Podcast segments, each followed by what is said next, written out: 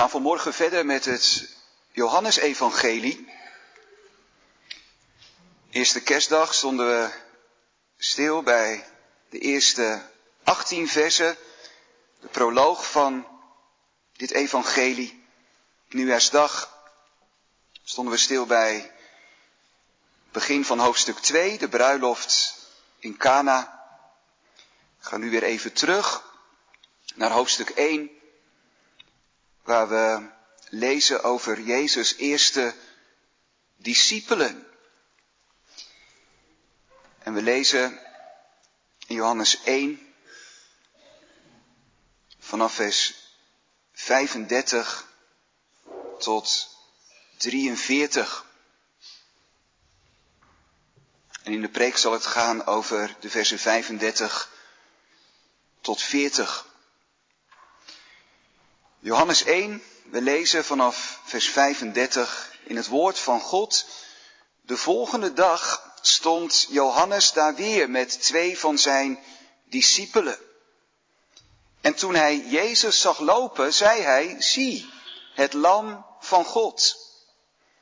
En de twee discipelen hoorden hem dat zeggen en zij volgden Jezus.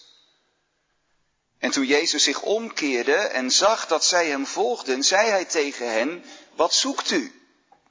En ze zeiden tegen hem, Rabbi, wat vertaald wil zeggen, meester, waar woont u? Hij zei tegen hen, kom en zie. Zij kwamen en zagen waar hij woonde en bleven die dag bij hem. En het was ongeveer het tiende uur, vier uur in de middag. Andreas, de broer van Simon Petrus, was een van de twee die het van Johannes gehoord hadden en hem gevolgd waren. Deze vond als eerste zijn eigen broer Simon en zei tegen hem, we hebben de Messias gevonden, wat vertaald wordt als de Christus. En hij leidde hem tot Jezus. Jezus keek hem aan en zei, u bent Simon, de zoon van Jona. U zult Kefas genoemd worden, wat vertaald wordt met Petrus. Tot zover dit gedeelte uit het woord van God. In de preek staan we dus stil bij de eerste versen, vers 35 tot 40. En ik haal er een paar gedeelten uit. Allereerst de woorden van Johannes de Doper in vers 36. Zie het lam van God. Dan de vraag van de Heer Jezus in vers 39. Wat zoekt u? Het antwoord van de twee discipelen.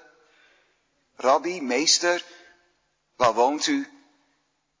En dan ook de uitnodiging van de Heer Jezus in vers 40, de kern van dit gedeelte.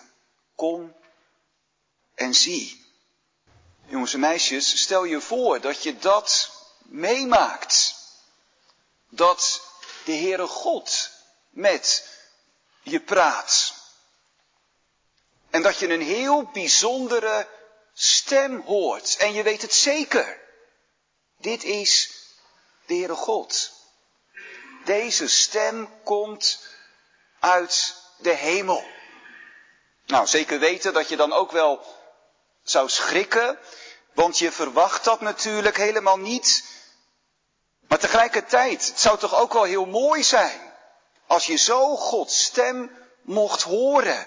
Dan zou je het zeker weten dat Hij er is.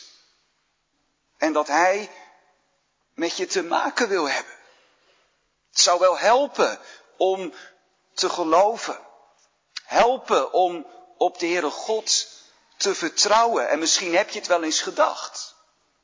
Stel je voor dat dat, dat zou gebeuren. Nou, heel waarschijnlijk gebeurt dat niet. En dat is ook helemaal niet nodig.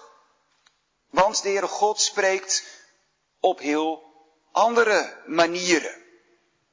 En op heel veel manieren. Niet door een bijzondere stem, Maar bijvoorbeeld door alles wat hij gemaakt heeft. Door de schepping. Die mooie regenboog. Hoge bergen op vakantie in Zwitserland. Een lucht vol sterren. Een babytje wat geboren wordt. En je weet het heel zeker. Daar zit God achter. Dat heeft Hij gemaakt. Wat is Hij groot? Wat is Hij machtig? Of God spreekt door die stem diep van binnen. Je geweten.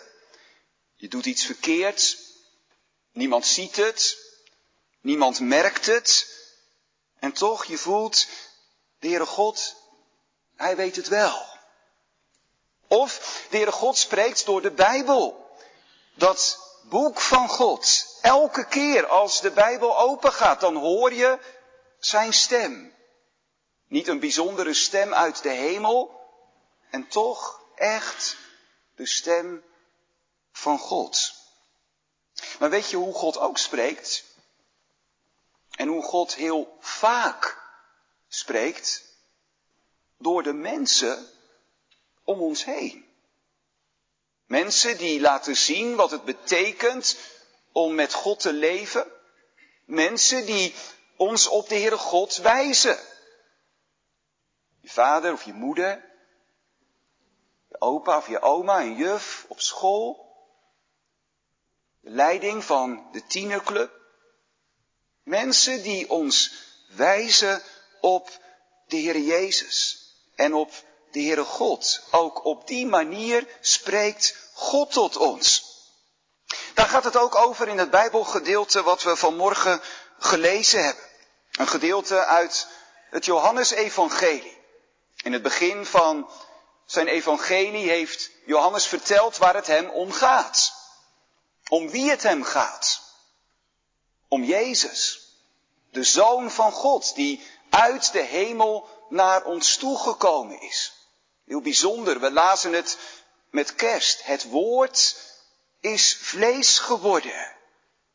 Onvoorstelbaar wat God gedaan heeft, dat hij door zijn zoon zo dichtbij gekomen is.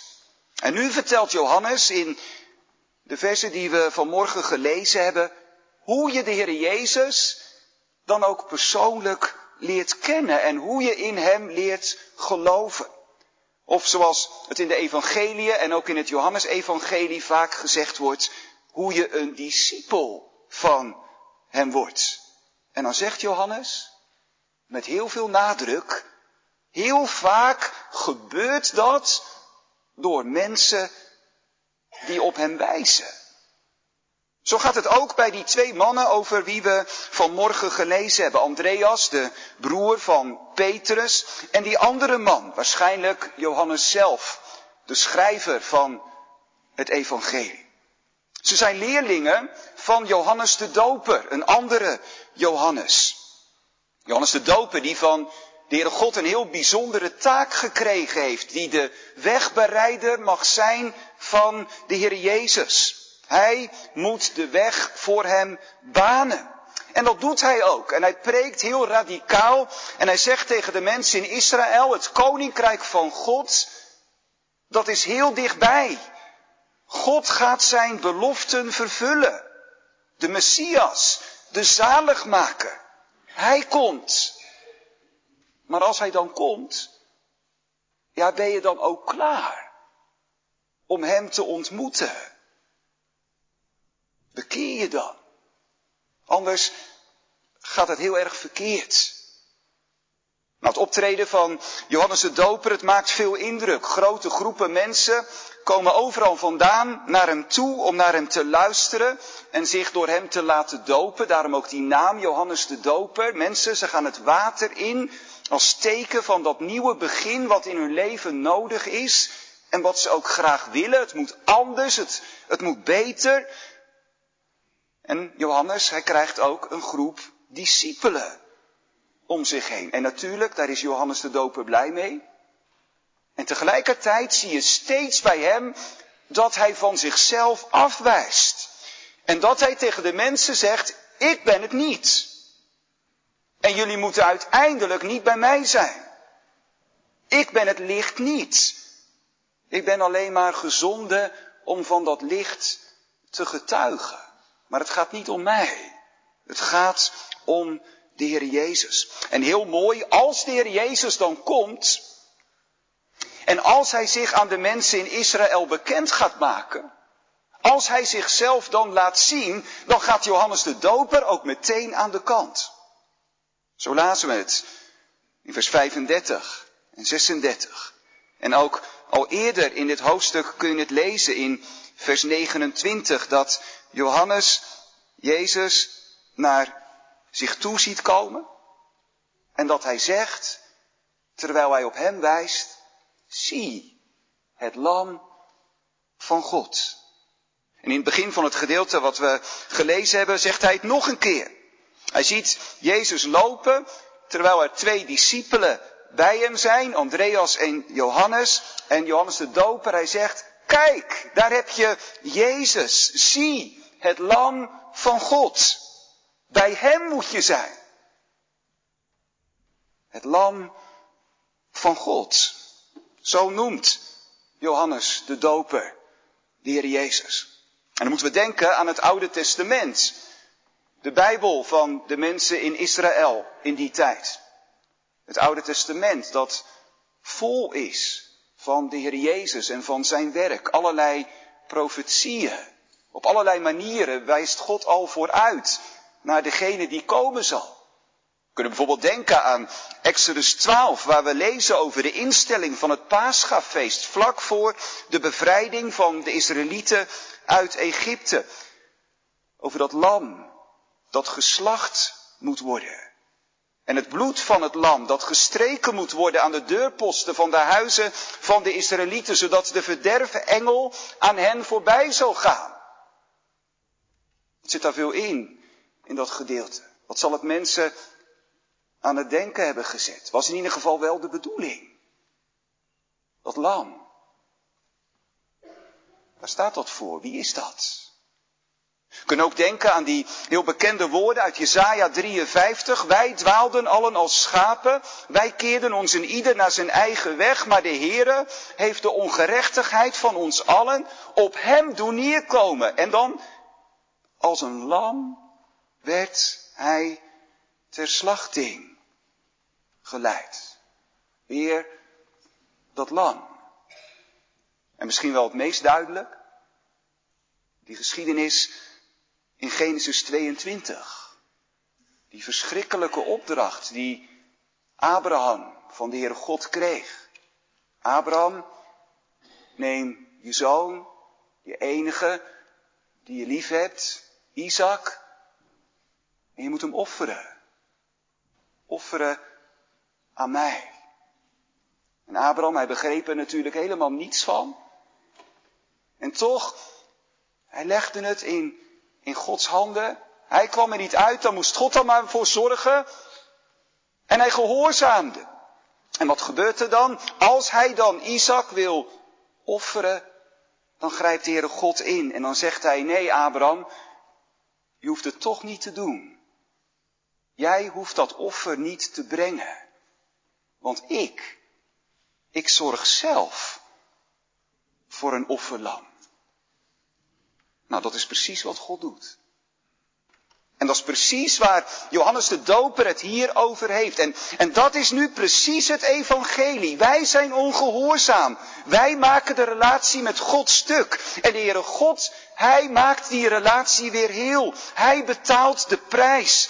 Zo lief heeft God de wereld gehad, dat Hij zijn enige geboren zoon gegeven heeft, opdat ieder die in Hem gelooft, niet verloren gaat, maar eeuwig leven heeft.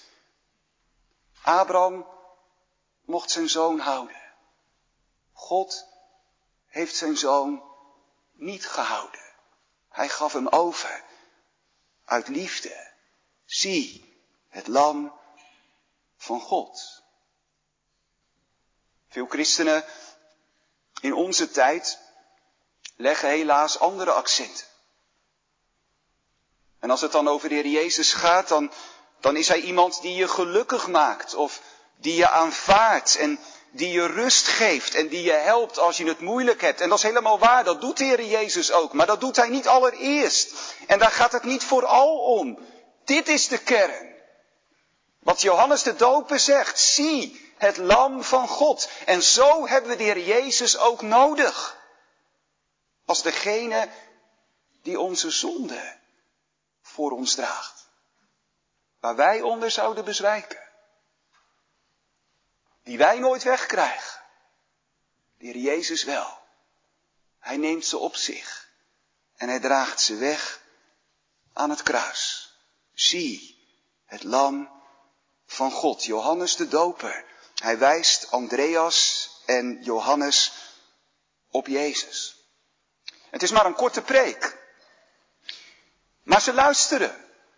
De preek komt binnen. Misschien hebben ze het de vorige keer ook al gehoord, maar drong het nog niet echt tot hen door. Nu in ieder geval wel. En we weten niet hoeveel ze precies van Johannes' woorden begrepen hebben, maar één ding is heel duidelijk voor hen geworden. We moeten naar Jezus toe. En ze lopen bij Johannes weg en ze gaan achter Jezus aan. En heel mooi wat je dan leest. De Heer Jezus, hij merkt het. Hij heeft het in de gaten. Zoals hij het altijd merkt. Ook die allereerste stappen in ons leven in de richting van Hem. En de Heer Jezus, Hij keert zich om naar hen toe. Het lijkt zelfs alsof Hij op hen stond te wachten. En alsof Hij voor hen daar rondliep. En dat is ook zo. Voordat wij op zoek gaan naar Jezus, zoekt Hij ons. En dan lezen we de eerste woorden van de Heer Jezus in het Johannesevangelie. Een vraag. Wat zoeken jullie? Het is alsof de Heer Jezus zegt, vertel het maar. Vertel maar wat er in je hart leeft. Vertel maar wat jullie bezighoudt. Waarom jullie bij mij gekomen zijn. Tegelijkertijd zit er in die vraag nog veel meer. Is dat ook een vraag naar hun motieven? De heer Jezus, hij zegt niet, oh, wat ben ik blij dat jullie achter me aan zijn gekomen en dat ik nu mijn eerste discipelen heb. Nee, nee, hij vraagt, wat zoeken jullie? Want hij weet dat we ons niet zomaar aan hem overgeven. Ik moest denken aan wat C.S. Lewis ergens schrijft over het gebed. Dat we vaak zo zachtjes, zegt hij, en ingetogen bidden. En daar bedoelt hij mee dat we misschien wel vragen, Heere God, mag ik u leren kennen of mag ik u beter leren kennen of mag ik echt uw weg gaan? Mag ik u gehoorzamen? Maar dat we tegelijkertijd stiekem hopen dat God dat gebed niet echt verhoort of in ieder geval niet radicaal verhoort. Want, want stel je voor dat hij dat wel doet. Wat moet er dan allemaal wel niet in ons leven veranderen? En wat gaat er dan wel niet op zijn kop? En willen we dat wel echt? Zachtjes, ingetogen Nou, zo is het hier ook. Achter de Heer Jezus aangaan, dat, dat is nogal wat. Het staat er zo eenvoudig. Ze lopen achter Jezus aan, ze, ze volgen Hem, maar maar dat is natuurlijk wel spannend, want ja, wat gaat hij dan doen in ons leven? Wat gaat de Heer Jezus dan van je vragen? Als je achter Hem aangaat en, en waarvan wil Hij ons dan allemaal wel niet bekeren? Heb je jezelf daarvoor over? Dat is wat Jezus vraagt. Eigenlijk zegt Hij, wil je mij echt volgen? Of loop je wel achter me aan, maar hou je tegelijkertijd toch afstand? Zeg je, u mag best een stukje van mijn leven hebben, maar niet mijn hele leven. Het grootste deel is voor mezelf. Dat je zo achter de Heer Jezus aankomt. Nou dan zegt de Heer Jezus, daar heb ik niets aan. Als je met die houding bij me komt. En daar heb je zelf ook niets aan. En dat zegt hij dan niet om ons af te houden, alsof het hem niet uitmaakt of we dicht bij hem zijn of dat we ver van hem zijn, of we bij hem horen of niet bij hem horen. Nee, dat zegt hij juist om ons naar zich toe te trekken. Je zou het ook zo kunnen zeggen.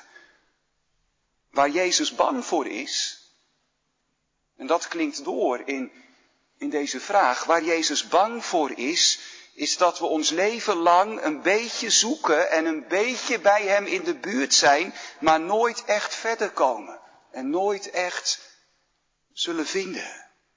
Omdat we geen keuze maken. Omdat we niet voor Hem op de knieën gaan.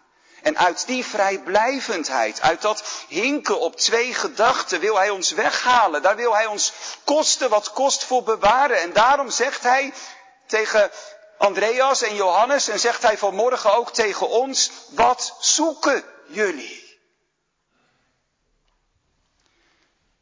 En dan zou je verwachten dat Andreas en Johannes zeggen, nou dat is niet zo moeilijk. We zoeken u. Want Johannes de Doper, die we eerst hebben gevolgd, hij wees ons op u.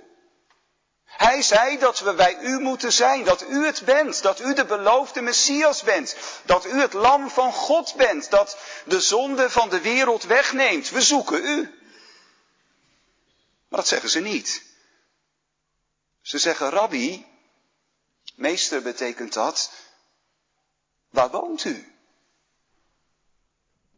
Je zou bijna zeggen, wat een vreemde vraag. En is dat alles wat ze tegen de Heer Jezus kunnen zeggen? Meester, waar woont u? Of is dat misschien juist iets heel moois? Dat ze niet gelijk met grote woorden komen, hele mooie antwoorden geven. Ik las bij iemand, er zijn zoveel mensen die, die wel die goede antwoorden weten, maar die niet naar Jezus gaan. En hebben we juist daarom de Heer Jezus ook niet zo hard nodig? Juist omdat we niet zoveel weten. En juist omdat we zoveel vragen hebben. En juist omdat we zoveel moeten leren en zoveel moeten afleren. En dat laten Andreas en Johannes hier heel mooi merken. Dat merk je al aan, aan de manier waarop ze de Heer Jezus aanspreken. Meester, zeggen ze. Eigenlijk zeggen ze, mogen we bij u op school komen? En vertelt u dan maar waar het over moet gaan. En vertelt u dan maar wat we nodig hebben. En dan echt op school. Niet maar een kort gesprekje op straat, eventjes met de Heer Jezus praten, omdat hij toch wel een heel bijzondere man is, maar echt een diepgaand gesprek bij Jezus thuis. En, en daarom die vraag, waar woont u? Waar verblijft u? Dat is dus eigenlijk ja, een heel mooi antwoord. Heer Jezus, we willen heel graag met u praten. En we willen heel graag heel veel van u leren. Heeft u misschien tijd voor ons? Ja, en dan dat antwoord van de Heer Jezus. Als je dat aan hem vraagt, heeft u misschien tijd voor mij? Jezus zegt, kom en zie. En waar je bij die eerste woorden, wat zoeken jullie, nog kon denken, de Heer Jezus, hij houdt de deur een beetje dicht. Ja, dat kun je nu niet meer denken. De Heer Jezus, hij zet de deur wijd open. Hij zet de deur wijd open voor Andreas en voor Johannes en vanmorgen ook voor u, voor jou en voor mij. Kom en zie. Kom, zegt Jezus. Kom in beweging. Kom dichterbij. Misschien vanmorgen wel voor het eerst, omdat je het nog nooit gedaan hebt. Kom dichterbij. Of als je weer bent weggedwaald. Kom.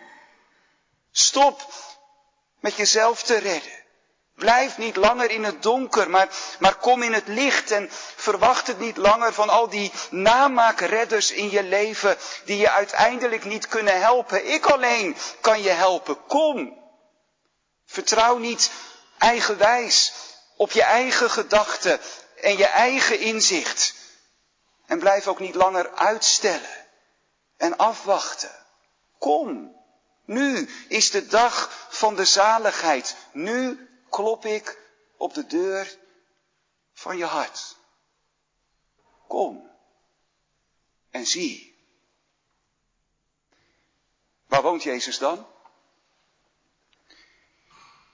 Nou, hij is niet ver weg. Dat is de boodschap van kerst. De Heer Jezus, hij is niet ver weg. Hij is juist heel dichtbij gekomen.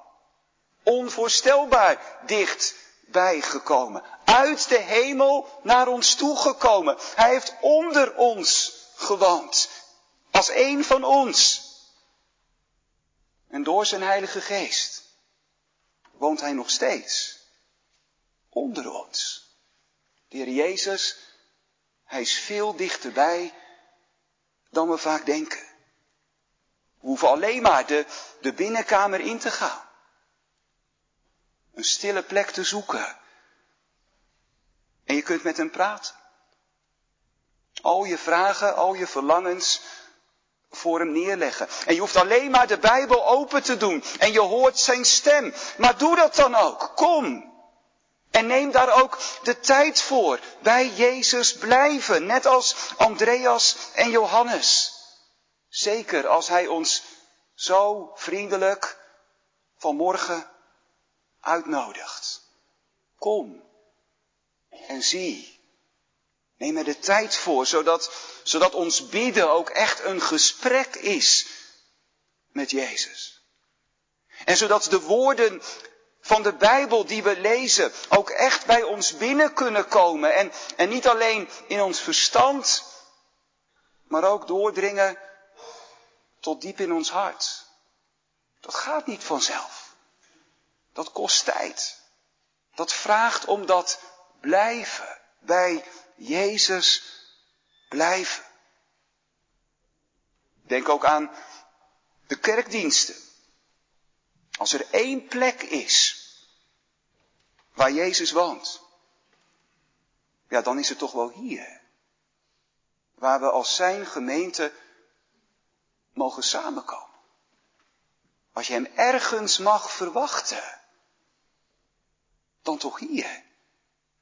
En als de Heer Jezus er dan wil zijn, en als Hij dan zegt, kom en zie, ja, dan kom je toch.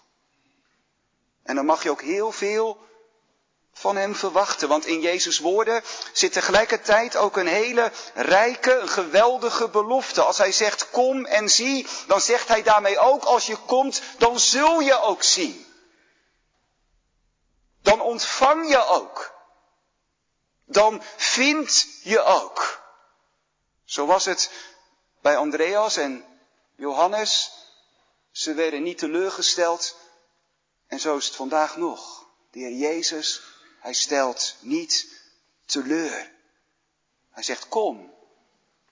Dan geef ik antwoord op je vragen. Hij zegt, kom. Dan ontvang je mijn vergeving. Hij zegt, kom, dan geef ik vrede voor je hart. Kom, en dan krijg je er steeds meer zin in om voor de Heere God en je naaste te leven. Kom, en je wordt toegerust voor alles wat God van je vraagt. Kom, en je krijgt steeds meer moeite met je zonde en je verkeerde verlangens. Kom, en je ontvangt wijsheid. Voor al die lastige keuzes die je in je leven moet maken. Kom, en ik geef je kracht en geduld en troost om het vol te houden, hoe moeilijk de weg soms ook is. Kom en ik geef je een toekomst. Een toekomst vol van hoop. Dat vaderhuis met die vele woningen. Een plek voor jou, verdiend door mij. Kom. Dat is wat er gebeurt op de weg achter Jezus aan. En als je blijft bij Hem. En vooral, je gaat steeds meer van de Heer Jezus zien. Want dat is toch de kern. Niet zijn gaven, maar Jezus zelf. Zijn heerlijkheid zien. Daar gaat het over in het Johannesevangelie. Vol van genade en van waarheid. De Heer Jezus zien. Hoe mooi Hij is. Hoe bijzonder Hij is. Hoe genadig Hij is. Dat je steeds meer naar Hem toegetrokken wordt. En dat je steeds meer van Hem gaat houden. En het mag beleiden. En het ook met steeds meer zekerheid mag beleiden. Heer Jezus, u bent mijn enige troost in leven en in sterven. Als u voor mij zorgt en als u over mij waakt en als u bij mij bent en als u bij mij blijft, ja wat heb ik dan nog meer nodig? Dan is het goed en dan komt het ook goed. Daarom kom en zie. Amen.